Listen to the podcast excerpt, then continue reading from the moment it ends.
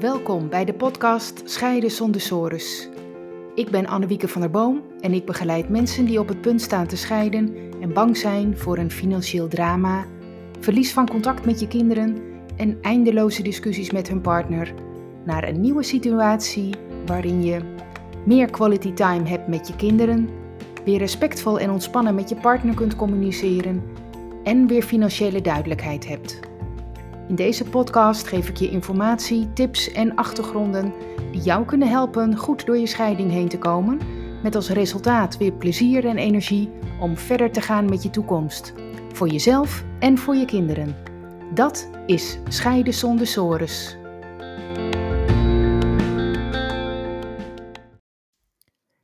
In deze aflevering ga ik in op het misverstand dat als je bij een scheiding allebei naar een eigen advocaat gaat, je hiermee een integrale en complete oplossing voor je scheiding hebt. Je hoeft immers zelf niet veel te doen en alles voor je kinderen, voor je woning, alimentatie en andere financiële kwesties worden mooi opgelost. Is het niet door de advocaten, dan wel door de rechtbank, want hier staat toch voor? Dit leeft bij veel mensen. Dat is niet gek, je hebt er immers geen ervaring mee. Mijn ervaring is dat het resultaat hiervan voor beide partners altijd tegenvalt. In deze podcast geef ik een kijkje achter de schermen van zo'n situatie. Het is een situatie waarin ik iemand als advocaat heb begeleid bij de scheiding. Een meneer kwam bij mij met de vraag of ik hem wilde helpen bij zijn scheiding. Hij had namelijk een brief gekregen van een andere advocaat en daarin stond dat zijn partner naar die advocaat was gegaan en dat die advocaat voor haar het scheidingsverzoek zou indienen bij de rechtbank. En daarnaast stond erin, was er ook wel overleg mogelijk. Tja, hij was erg geschrokken van deze brief, want hij had gehoopt dat ze samen naar een mediator zouden kunnen gaan. Dat had hij wel eens genoemd en hij had ook gehoopt dat dat zo kon. Nu bleek dat zijn partner dat dus niet wilde en zelf naar een eigen advocaat was gegaan. Dat wist hij niet, maar goed, zo ging het dus. Nu zij naar een eigen advocaat was gegaan, was er voor hem geen keuze meer. want je kunt niet alleen naar de mediator. Hij had dus ook een eigen advocaat nodig. En dat werd ik. Toen volgde er een correspondentie tussen de beide advocaten. In die correspondentie nemen de advocaten dan een standpunt in, meestal over alle onderwerpen die spelen bij de scheiding, zoals de zorgregeling voor de kinderen, kinderalimentatie, andere punten uit het ouderschapsplan, de woning, uh, partneralimentatie, eventuele erfenissen die er zijn geweest, pensioenen, verdeling auto's, afwikkeling huwelijkse voorwaarden. En dan denk je misschien, nou, dat is toch een mooie manier om dat zo samen te regelen en dat die, laat die advocaten maar onderhandelen. Soms vindt er ook een viergesprek plaats tussen de beide advocaten en de mensen die gaan scheiden. Dat geeft uh, wat sneller inzicht in elkaars standpunten en ook in de opties die er zijn. En daarna gaan de advocaten dan weer verder schriftelijk onderhandelen.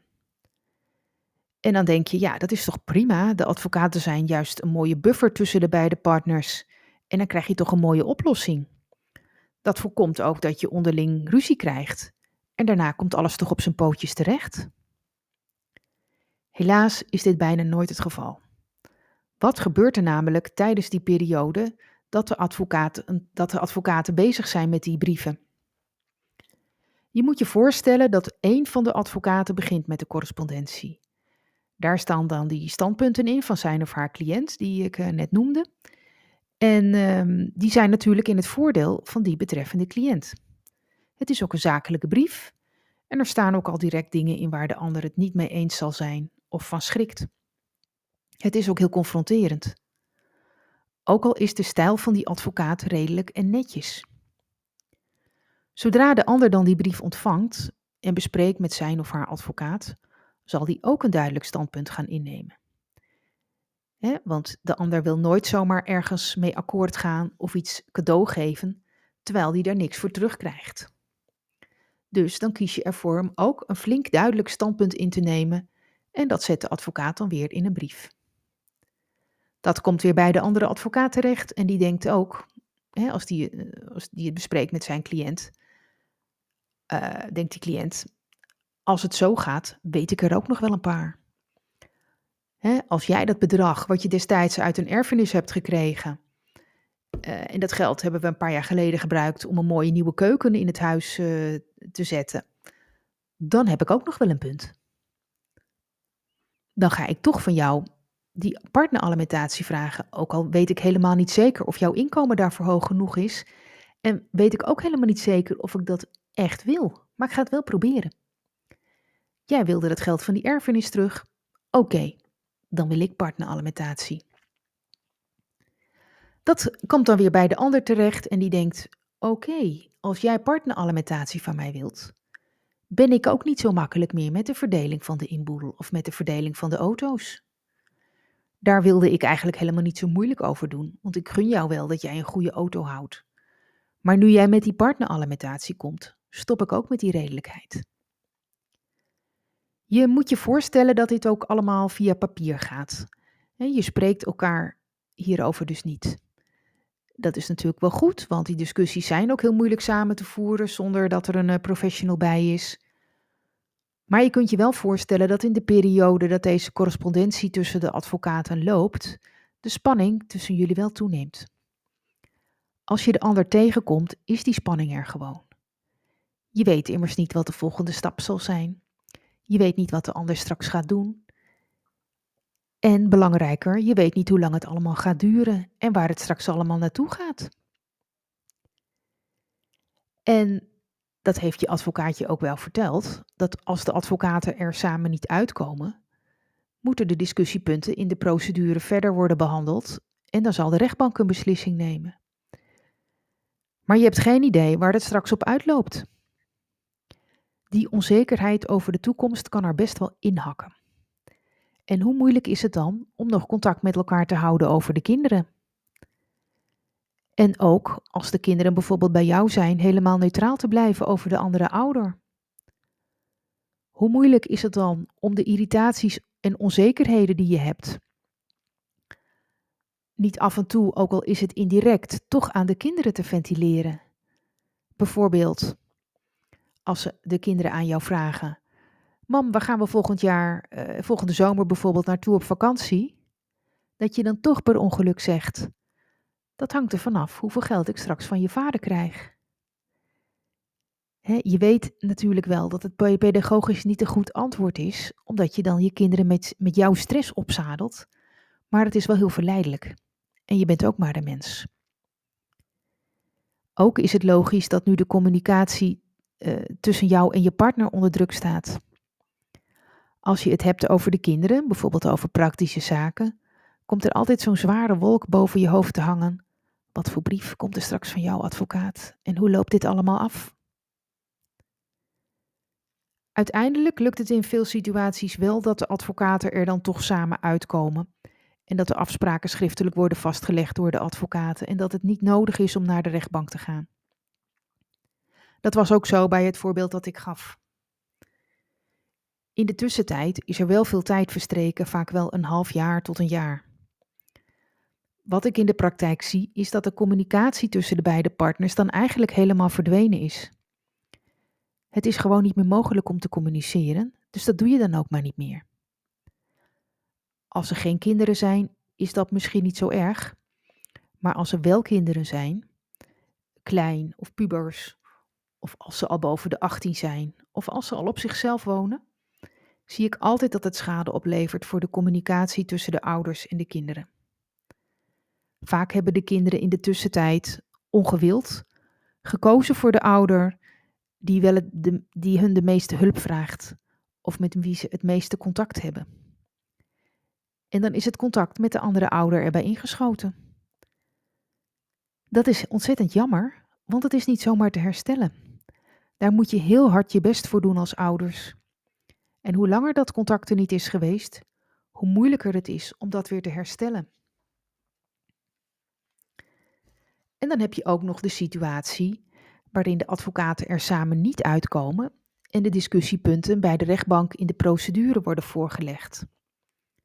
Dan komt er een mondelinge behandeling bij de rechtbank. En dan ga je allebei met je eigen advocaat naartoe.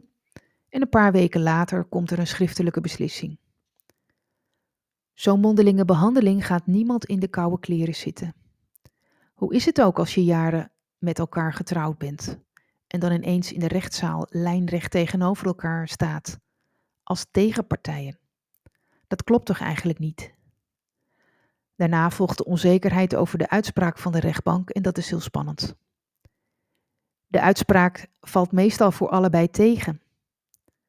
Want je zult op een aantal punten wel gelijk hebben gekregen, maar op een aantal punten ook niet. Of misschien heb je wel helemaal geen gelijk gekregen op de punten die je graag wilde of waar je op hoopte. Al met al heeft dit voor allebei zoveel energie en ook geld gekost en is het resultaat eigenlijk teleurstellend voor allebei. Daarnaast ben je ook in de tussentijd recht tegenover je partner komen te staan. En dan heb je gemerkt dat de communicatie tussen jullie ijzig geworden is. En het werkt ook door op de kinderen. Er zijn eigenlijk alleen maar verliezers. Ik wil bij jou graag de illusie wegnemen dat een advocaat als een soort wonderdokter alles kan oplossen voor je hele scheiding. Dat kan namelijk niet. Een advocaat kan je uiteraard goed helpen om een aantal juridische en financiële kwesties op te lossen. Maar een advocaat kan de negatieve consequenties die er zijn niet voorkomen. En de rechtbank kan dat ook niet. Iemand die naar een eigen advocaat gaat, doet dit natuurlijk met de beste bedoeling, maar is er gewoon niet mee bekend wat de consequenties zijn. Dat kan ook niet, want je hebt niet eerder een scheiding meegemaakt. Ik vind het daarom heel belangrijk dat iedereen die op het punt staat te gaan scheiden deze informatie wel heeft en daarna zelf een weloverwogen keuze kan maken. Ga ik naar een eigen advocaat of ga ik samen met mijn partner naar de mediator? In mijn werk als advocaat heb ik zoveel nadelen gezien van deze manier van werken. Vooral de pijn, het verdriet en de onzekerheid bij de cliënten dat het niet voor niets is dat ik de keuze heb gemaakt om als mediator mensen door een scheiding heen te helpen.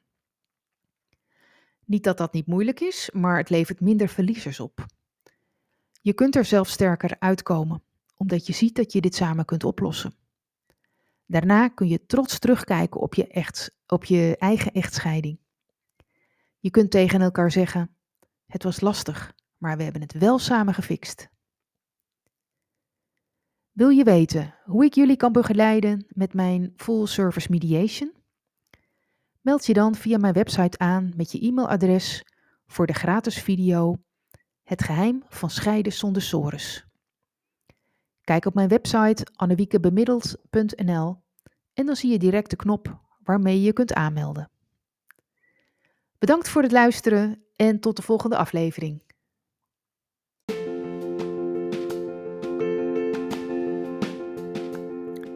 Leuk dat je hebt geluisterd naar deze aflevering. Ben je benieuwd naar meer? Abonneer je dan op deze podcast. Dat kun je doen door bij Apple Podcast op het plusteken rechtsboven te klikken en dan zie je volgen. Bij Spotify door linksboven op volgen te klikken. Wil je meer weten over mijn full service mediation? Bekijk dan mijn gratis video, waarvoor je je kunt aanmelden via mijn website annewiekebemiddeld.nl. Tot de volgende aflevering.